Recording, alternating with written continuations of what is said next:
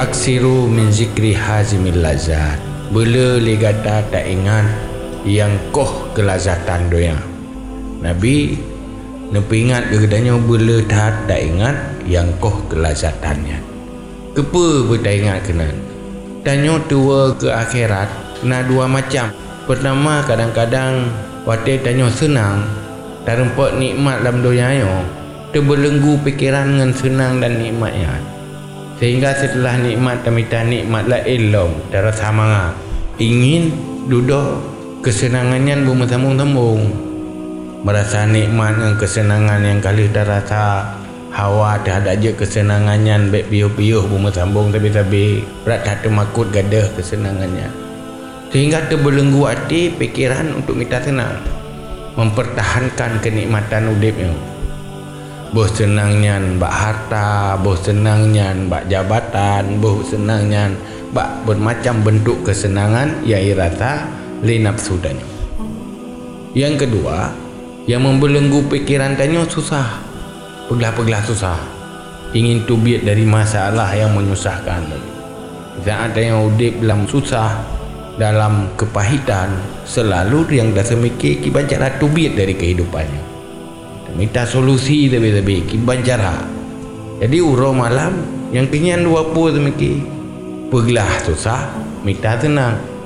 Sehingga dua ke mati dua ke akhirat. Uro dengan malam beda eh sampai tak eh kembali. Hati kitanya hanya berpikir tentang kesenangan dunia dan menghindari mencari solusi keluar dari kesusahan dunia. Nyen kehidupan yang salah Allah Nabi udip dalam dunia nyo cobaan susah dan senang. Kan untuk dua akhirat. Orang yang cerdas susah dengan senangnya untuk ingat akhirat. Nyan yang betul kan untuk terbelenggu dengan kesenangan menyesenang kan untuk mati pikiran dengan susah. Nabi Allah nikmat ino dunia nyo untuk Nabi contoh kegedanyo bahawa nikmatnya menyenangkan jadi waktu tanya hino senang Bertingat. Dum senang dunianya yang beok Yang siat Habis regalad Kiban ke kesenangan akhirat. Yang hantar to'oh bayangkan.